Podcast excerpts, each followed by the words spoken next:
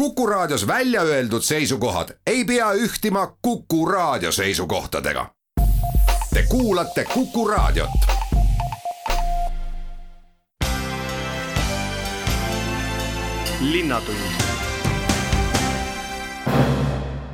Tere ja kena neljapäeva, head Kuku raadio kuulajad. alanud on Linnatunni saade ja järgneva tunni aja jooksul vaatame, mis pealinnas uudist. mina olen saatejuht Rein Pärn. Tallinna linnavolikogu hakkab äh, nüüd äh, uuesti arutama teemat, et äh, kuidas nüüd piirata öist alkoholimüüki et tegemist ei ole, ütleme sellise eriolukorra ajal tekkinud teemaga, vaid vastupidi, eriolukorra tõttu soiku jäänud teemaga, aga nüüd siis arvatavasti plaanitakse see teema nüüd lõpuni arutada volikogu tasemel samuti ja saavad nüüd baarid ja ööklubid ja kõik muud meelelahutusasutused Tallinnas konkreetsemad raamid, et ise ka siis teavad, et kuidas, kuidas nende tegevus peab olema korraldatud. kuidas nüüd siis seda alkoholimüügi teemat hakatakse arutlema ja, ja millised otsused on plaanis vastu võtta, saame seda kohe küsida, meil on telefonil äh, hea meel tervitada Tallinna linnavolikogu esimees Tiit Terik, tere päevast! Tere päevast! jah, ole hea, räägi, mis nüüd selle alkoholimüügi piiranguga plaanis on ette võtta? no plaanis on see, et me jõuame lõpuks selle mm, palju räägitud eelnõuga linnavolikogu saali, kus siis mm, kõik erinevad poliitilised erakonnad, kes linnaelanike poolt on valitud, saavad, mm, saavad selle üle vaidlema hakata ja siis lõpuks langetada ka otsuse. aga kui me ajas natukene tagasi vaatame, siis tegelikult see alkoholi temaatika ja alkoholimüügi võimalikud piirangud on ju üleval olnud päris pikalt ja siin on äh, sisendit ja initsiatiivi tulnud nii politsei poolt, äh, otse linnaelanike poolt äh, linnavalitsusele ja volikogule saadetud pöördumistest ja eks tegelikult me ju teame ka, vaadates seda statistikat, et see, kus ähm, on tavaliselt alkoholimüügikohad, ähm, tõmbab ligi ka kuritegevust, nii on isegi äh, riigi alkoholipoliitikas ähm, sedastatud, mis, mis on äh, nii-öelda laiem vaade mitte ainuüksi Tallinna linna mõistes, vaid, vaid nii-öelda riigi mõistes kokku pandud informatsioonist tulenev. Ja selleks, et äh, esiteks avalikku korda, rahva tervist ja kõike sellega kaasnevat äh, tagada, ongi linn tulnud välja nüüd eelnõuga, et alkoholimüüki piirata mm, öistel kellaaegadel eh, ja sellega siis eh, saavutada see läbimurre linnas, et enam ei oleks kuritegevus nende baaride ümber nii suur ja et ei oleks häiritud linlaste öörahu, aga eks siin tegelikult neid nüansse on on äh, päris, päris mitmeid ja kaalutluskohti samuti mis siis on plaan, et mis kellaaegadest me siin üldse räägime, et äh, millal baarides äh, või meelelahutusasutuses peaks see alkoholimüük olema lõppenud? selle eelnõu kohaselt on välja pakutud, et nädala sees võiks baarides kohapealseks tarbimiseks alkoholimüügi lõpetada kell kaks öösel ja nädalavahetustel kella kolmest öösel ja loomulikult on siin ka mõned erandid, loomulikult esimene jaanuar, kahekümne viies veebruar ja, ja kahekümne neljas juuni ka, et, et et vana-aasta õhtu, jaanipäev ja vabariigi aastapäev jääksid sellest piirangust välja, aga need, kes ähm, alkoholi tarbida tahavad ja oma õlle teha, siis peaksid oma viimase õlle baarist ostma enne kella kahte öösel. Ja, ja ma usun, et see ei ole küll nüüd see, kus,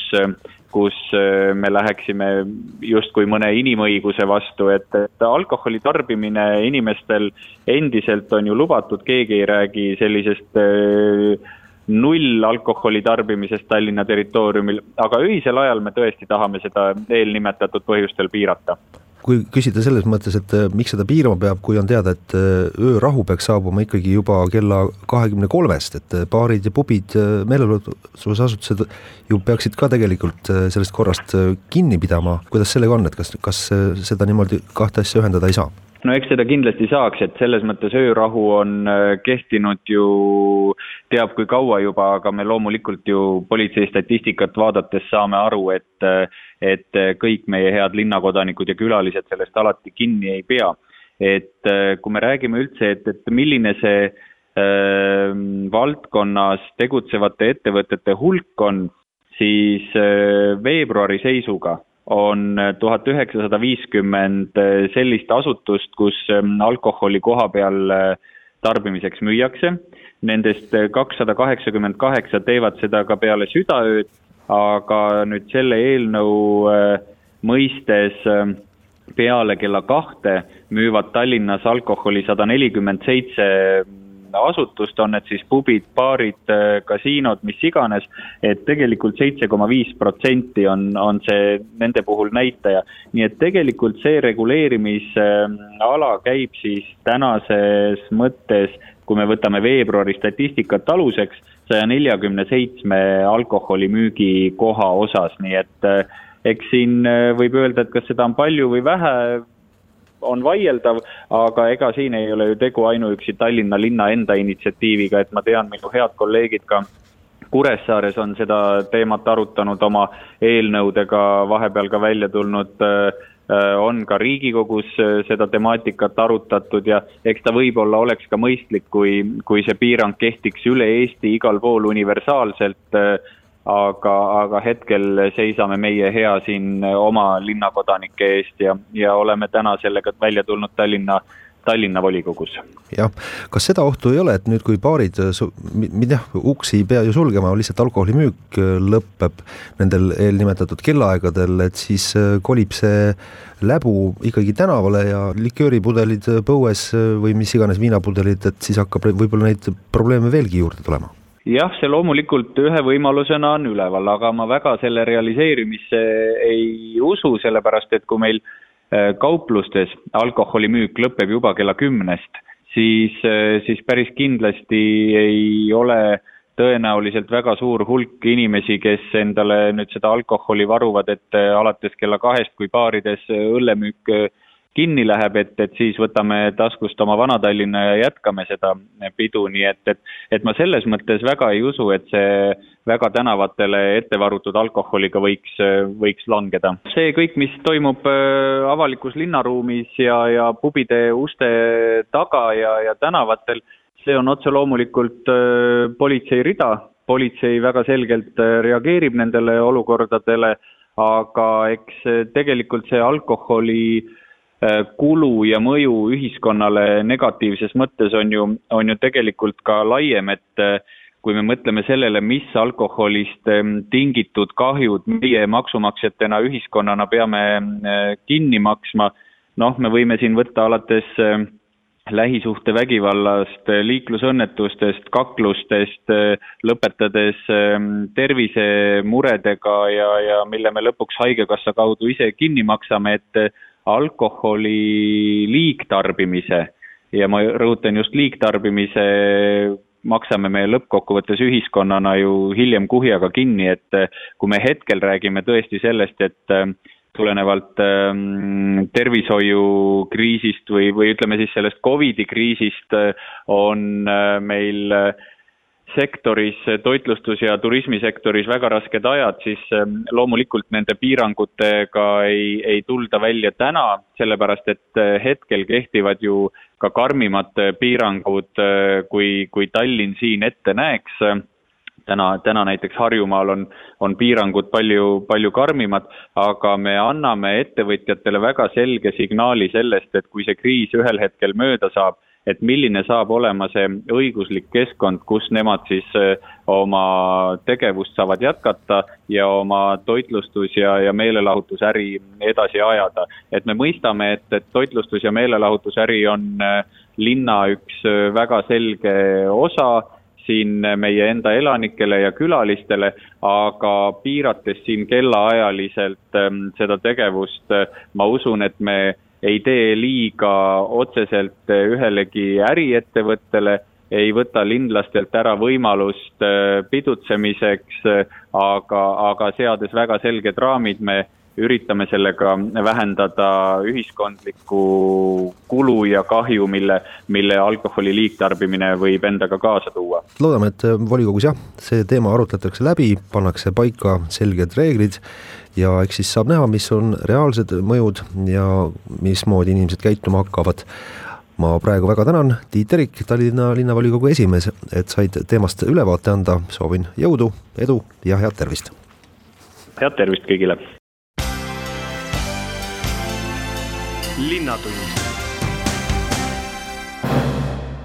Eesti Raudtee koos siis Leonhard Wise osaühinguga hakkavad nüüd remontima Paldiski maantee viadukti ja miks seda ehitust äh, siis ette võetakse, mis seal kõike korda tehakse ja kuidas nüüd see vahepeal viadukti ehitus mõjutab liikluspilti meie pealinnas, seda saame kohe kuulda. meil on telefonil hea meel tervitada Eesti Raudtee ehitusteenistuse juht Riho Vjatkin, tere päevast! Tere, tere! jah, äh, mis plaanid nüüd seoses selle Paldiski maantee viadukti ehitusega on, et mida seal üldse vaja remontida on ja kuidas see kõik siis äh, on korraldatud? Paldiski maantee viadukti ehituseks on siis plaanis meil mitte remontida olemasolevat viadukti, vaid siis olemasoleva viadukti kõrvale ehitada siis äh, uus viadukt, mille eesmärgiks on siis Balti jaama rongide läbilaskuse suurendamine ja, ja, ja reisiliikluse nii-öelda sujuvamaks muutmise Äh, peamine eesmärk. ehk siis äh, viadukt on siis üks osa äh, täiendava peatee ehitamisest, mis jääb siis Balti jaama ja Kitseküla peatuskoha vahele et siis äh, need äh, rongid, mis muidu äh, sõidavad sinna Viljandi poole, et need siis hakkavad eraldi teed läbima juba natukene varem kui sealt Kitsekülast alates, et muidu see hargnemine toimub ju seal, eks ole, et jah, nii, nii, nii Viljandi suunalised kui ka Narva suunalised rongid kasutavad täna nii-öelda oma suunale minekuks ühte rada Balti jaamast väljudes peale viadukti valmimist ja selle nii-öelda täiendava peatee valmimist hakkaks siis mõlemas suunas olema kaks rada ehk siis eh, nii sisenev kui väljuv suund on siis eraldatud omavahel, täna kasutavad nad ühte rada. jah, ja selleks eh, siis peab siis seda Paldiski maantee viadukti ka laiendama, et eh, kas siis sama suur lõik tuleb sinna nagu juurde, kui hakata vaatama, et kõik rongid ilusti ära mahuksid? jah, olemasoleva viadukti kõrvale tuleb siis uus viadukt, mis siis, mis siis vastab tänapäevastele nõuetele ja ja, ja muinsuskaitse tingimustele, ehk siis tuleb säilitada seal vanad tugimüürid ja, ja, ja muud, muud kaasnevad äh, ehituslikud äh, nüansid, mis seal, mis seal nii-öelda täna on. et see vana viadukt jääb ka alles ja aktiivselt kasutusse, lihtsalt laiendatakse kõike seda? absoluutselt, vana viadukt, kes säilitab oma, oma, oma omadused täiesti. millal siis ehituseks läheb? Äh, kuna leping on sõlmitud, siis äh, esimesed ehitustööd äh, loodame teha sellel sügisel juba, ettevalmistavad tegevused ja, ja ilmselt suurem töö läheb lahti järgmise aasta ehitushooajal kuidas see kõik hakkab mõjutama nüüd äh, selle, selle viadukti alust, äh, autoliiklust ja bussiliiklust? Ja trollid ju ka sealt sõidavad, et päris oluline selline mm, liikluse sõlmpunkt on see? jah, ega väga täpselt seda olukorda täna ei, ei teagi veel ja, ja, ja ülesanne nii-öelda linnaga kokku leppida sulgemised ja ümbersuunamised on, on töövõtjal täna, aga noh, kindel on, et, et väiksed ebameeldivused kindlasti tulevad et äh, ei saa ehitada ilmselt niimoodi, et, et et kõik, kõik suunad jäävad lahti ja aga noh, selle kohta tulevad kindlasti täpsemalt koha peale suunaviidad ja, ja eelinformatsioon kindlasti meie enda kodulehel ja, ja pressiteadetena ka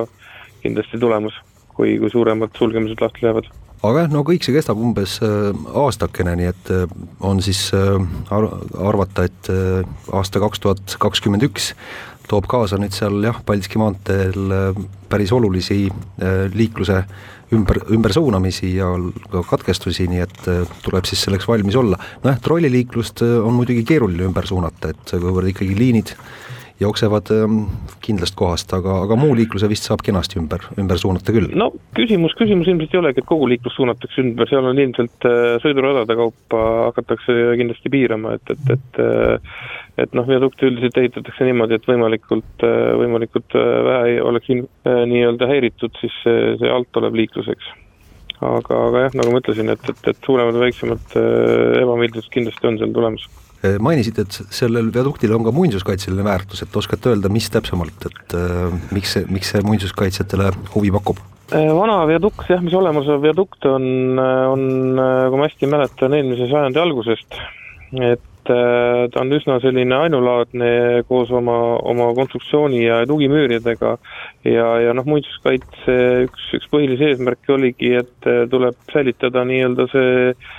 visuaal, et oleks võimalikult vähe häiritud see vana, vana viadukti nii-öelda vaade ja, ja tugimüüride ehitus ja kogu see asi ja, ja, ja vaatekoridor siis nii-öelda Mustamäe poolt siis linna poole, et, et, et äh, sealt äh, mööda Paldiski maanteed tulles avaneb selline ilus vaade vanalinnale ja kogu sellele, sellele alale, et, et, et võimalikult vähe oleks häiritud siis nii-öelda see see miljööväärtuslik pool ka, et, et muinsuskaitse tingimustega me oleme siin projekteerimisel ja ehitamisel arvestanud. et, et jah, laiem eesmärk on siis jah, teha see viadukt kõigepealt korda ja, ja laiendada, aga suurem eesmärk on, et äh, oleks nüüd äh, see neljarealine äh, teelõik oluliselt pikem, kui ta praegu on, et noh, kui vaadatagi nüüd edasi, et sealt tuleb ju ka Kristiine viadukt, kas ka seda on vaja hakata siis laiendama ja, ja, ja nii edasi, et kuidas see neljarealiseks ehitamine üldse siis, mis ta veel kaasa toob? Kristiine viadukt äh, võimaldab täna nii-öelda täiendavat teed kõrvale panna, et see on juba perspektiiviga arvestatud, et äh, ega, ega seal muud ei olegi, kui rongiliikluse tööd järgmisel suvel samamoodi, mis, mis siis jäävad siis Balti jaama ja Kitsaküla vahele ja, ja ja ega rohkem selliseid häiringuid kindlasti ei tulegi et siis mahutab kõik äh, need äh, rööpad sinna ilusasti maha ja midagi rohkem juurde suurt ehitama ei pea. Sellel, sellel liinil kindlasti küll, aga järgmine aasta kavatseme ka natukene Balti jaama laiendada, ehk siis äh, Balti jaama tuleb kaks täiendavat teed juurde, samamoodi kaks uut platvormi, mis on siis täpselt sama eesmärki täidavad, ehk siis suurendada läbilaskvust ja, ja, ja jaamatööd nii-öelda optimeerida rongiliikluse vaates see tähendab, et saab hakata paindlikumalt ka sõidugraafikuid tegema, et äh, ei pea seal üksteise järel järjekorras olema kogu aeg rongid, et äh, et võib, võib vähekene avaramalt seda pilti vaadata? absoluutselt jah, et, et eks suurem eesmärk on nii-öelda väljumisi kõikidel suundadel äh, Elroni poolt suurendada ja, ja seeläbi nii-öelda muuta siis rongiliiklus ühistranspordina atraktiivsemaks kindlasti et see on nüüd siis see laiem, laiem vaade kogu selle projekti juures. vot nii, selline plaan siis, et äh, Paldiski maantee vedukti siis äh, hakatakse laiendama, tehakse sinna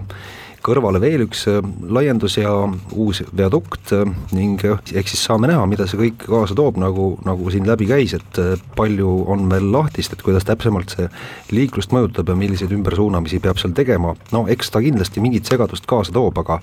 eks sellest kuuleme juba edaspidi siin sügise jooksul jooksvalt. aitäh, Riho Vjatkin, Eesti Raudtee ehitusteenistuse juht, selle intervjuu eest soovin jõudu, jaksu, kena päeva mm! -hmm, nägemist! Linnatund nädala alguses toimus mm, Tallinna ühes suurema külastatavusega kaubanduskeskuses, Viru keskuses tulekahjuõppus. miks selliseid õppuseid üldse siis tehakse ja kuidas seekordne õppus oli üldse korraldatud ja kuidas see sujus, seda saamegi kohe küsida. meil on telefonil hea meel tervitada Viru keskuse turundus- ja kommunikatsioonijuht Kristel Sooaru tere päevast! tere päevast! ja rääkige, mis teil siis seal toimus, et kuidas see õppus oli siis parasjagu korraldatud ja kuidas see sujus? õppus äh, sujus kõik plaanipäraselt, sujus äh, hästi. kuna me teeme regulaarselt neid õppusi, siis äh, kogu tiim, kogu tiim oli ette valmistanud ja kogu tiim on, on harjutanud. meie õppused on peaaegu identsed reaalsete sündmustega ja hästi oluline on see, et kuna meie kaubanduskeskuse külastatavus on keskmiselt kaks korda suurem kui, kui järgmise kaubanduskeskuse külastatavus, siis äh, meie jaoks on turvalisus äh, üli-ülioluline ja sellepärast on äh, need evakuatsiooniõppused, tulekahju evakuatsiooniõppused on üks osa kogu meie turvalisuse programmist, koolitusprogrammist, mida me regulaarselt läbi viime Viru keskus on tõesti külastatav paik ja äh, igal ajahetkel, kui keskuse uksed on lahti, viibib seal sadu, kui mitte tuhandeid inimesi. et kas antud juhul olid ka külastajad ikkagi kõik sees ja reaalselt pidi nad äh, välja toimetama? jaa, situatsioon oli reaalne, tegemist oli esmaspäeva hommikul kella üheteistkümnega, kui kõik kauplused olid avatud, keskuse uksed olid avatud meil äh, keskmiselt igal hetkel viibib majas äh, nelisada töötajat ja paar tuhat äh, klienti. et umbes sellises mahus oli vaja tõesti kõik inimesed majast välja saada ja see oligi selle evakuatsiooniõppuse põhieesmärk, testida kiiret majast väljumist, testida klientide turvalist väljajuhatamist. õppus viidi läbi ilma ette teatamata, keegi, ei personal kaasa arvatud turvapersonal ei teadnud õppusest. Ja, ja matkiti tõesti reaalset olukorda, kus ühes kaupluses oli tulekahju, kauplus oli suitsu täis ja, ja siis hakkas õppus pihta, et, et kuidas, kuidas erinevatest piirkondadest inimesed välja said, kui kiiresti. õppus algas kell kümme viiskümmend viis ja lõppes kell üksteist null kuus. ehk siis kas selle kümne-üheteist minuti jooksul siis tõesti nii personal kui külastajad said kõik äh, majast äh, kenasti välja rahulikult? absoluutselt, et äh, õppuse kestus on fikseeritud elektrooniliselt ja tõesti, nii palju aega läks kogu maja tühjendamisest sellest hetkest, kui, kui õppus peale algas, et meil endal selline eesmärk on see, et see peab olema maksimaalselt viieteist minutiga tehtud, saime, saime kiiremini. Ja, ja loomulikult kogu õppus äh, tervikuna, ehk siis äh, taastamisega kao-, koos läks kauem, aga nii-öelda evakueerimine majast välja oli tõesti siis see vahemik kas personal ka peab äh, kiiresti välju, väljapääsu poole liikuma või osadel on ikkagi ülesanne ka juhendada, et äh, ja vajadusel abistada inimesi, kellel on, on seal mingisuguseid segadusi või takistusi? Viru keskuses meil töötab äh, täna keskmiselt üheksasada inimest, kes siis, kellest ko koos tööl on siis korraga neli-viissada inimest kõik tööle tulijad, kes tulevad meie keskusesse tööle, peavad läbima kohustuslikus korras ohutusalase õppeprogrammi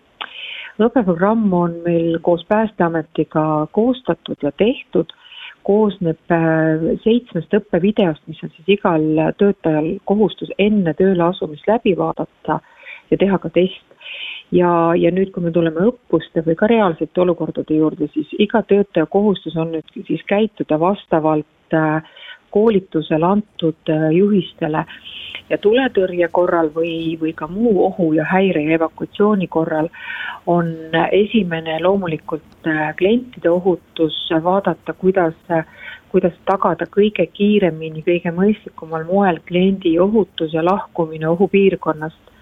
Ehk äh, kliendid võivad olla väga erinevas situatsioonis, kes on tellinud endale just parasjagu suppi, kes on parasjagu riietuskabiinis proovimas mõnda toodet. Et siin on teenindaja ülesanne vaadata, kuidas antud situatsioonis kõige kiiremini, kõige ohutumalt äh, klient eemaldada ohupiirkonnast. Et kõik sellised nurgatagused on ka teada, et kus inimesed võivad olla ja need vaadatakse ka selles mõttes kiiresti äh, üle ja keegi nii-öelda tähelepanuta ei tohiks jääda. just täpselt, et äh, iga üürnik, iga kauplus, iga restoran, toidukoht teab täpselt oma pinda teab, kus on tema evakuatsiooni väljapääsud, kus on tema ka sellised nurgatagused kohad, kuhu võib peituda kas või mõni laps, kui ema proov-, proovib riietuskabiinis riideid.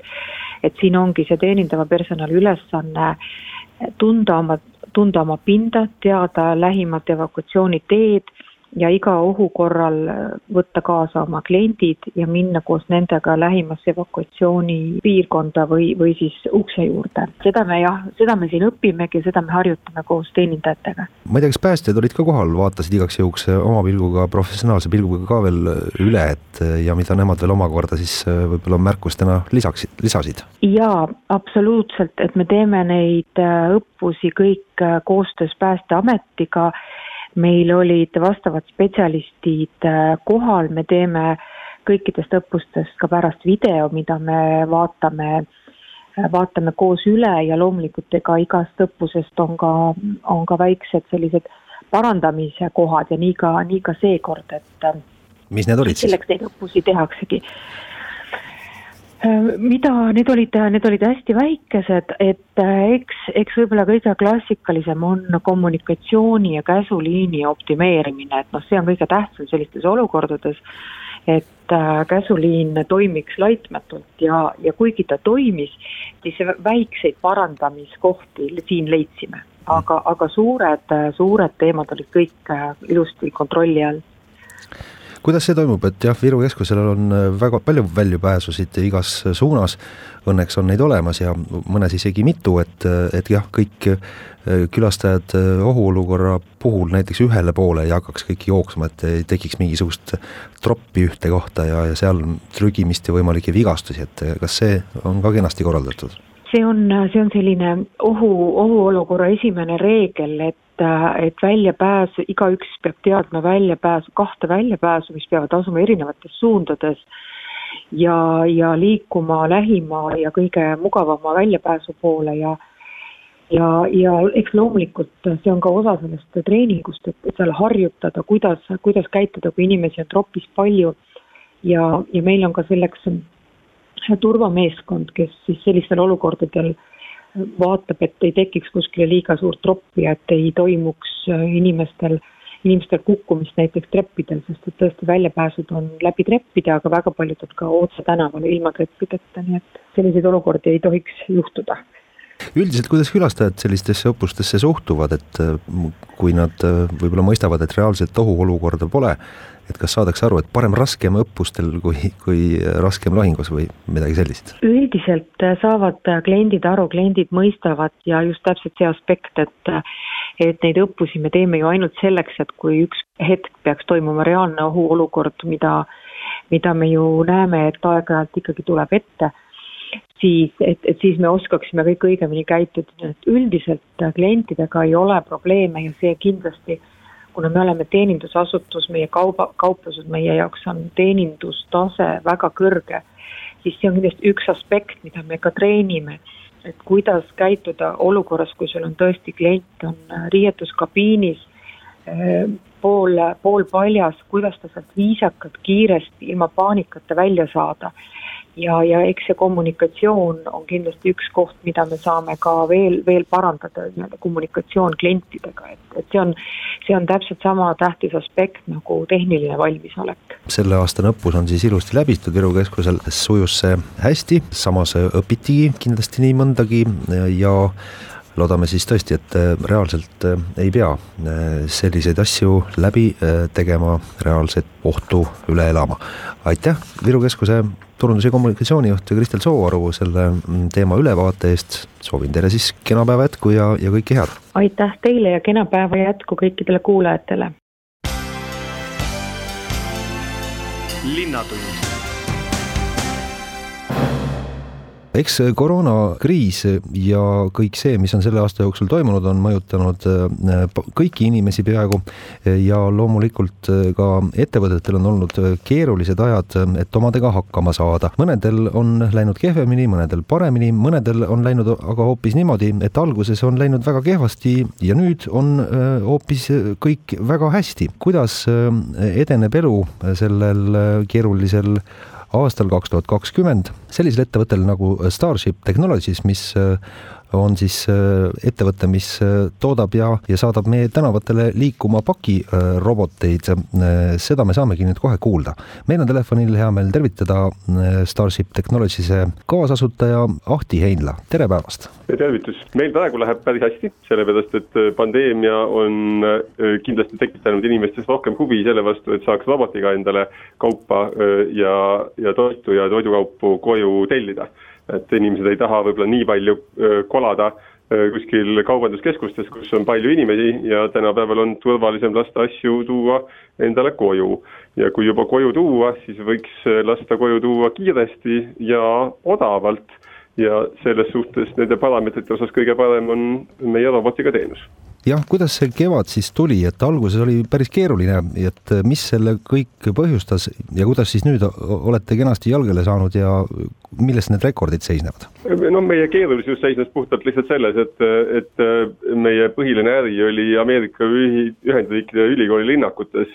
mis siis koroona tõttu ajutiselt panid oma, oma uksed kinni natukene varem, kui nad seda tavaliselt suveks teevad. Et aga mingisugust suurt dramaatikat või paanikat ma ütleks, et selle kohta ikkagi nagu ei olnud, et maha, mahud selgelt, selgelt vähenesid, aga meil ei olnud kunagi see küsi-, seda küsimust, et kas meie firma jääb püsima või et, et kas, kas meie tegevusel on üldse mõte, et meie tegevusel selgelt on mõte ja on, on enne, on rohkemgi mõtet, kui, kui enne pandeemiat veel oli. et see oli meil kogu aeg teada, praeguseks on ülikoolid jälle lahti ja meie teenus ka mujal väljaspool ülikoole on mitmekordistunud, nii et meil läheb hästi aga jah, Eestis oli teil ka keeruline selles mõttes, et töötajate arv vähenes seal ligi poole võrra, kui mitte isegi, isegi rohkem, sealt kahesaja neljakümnelt ligi saja kahekümnele või saja üheksateistkümnele, et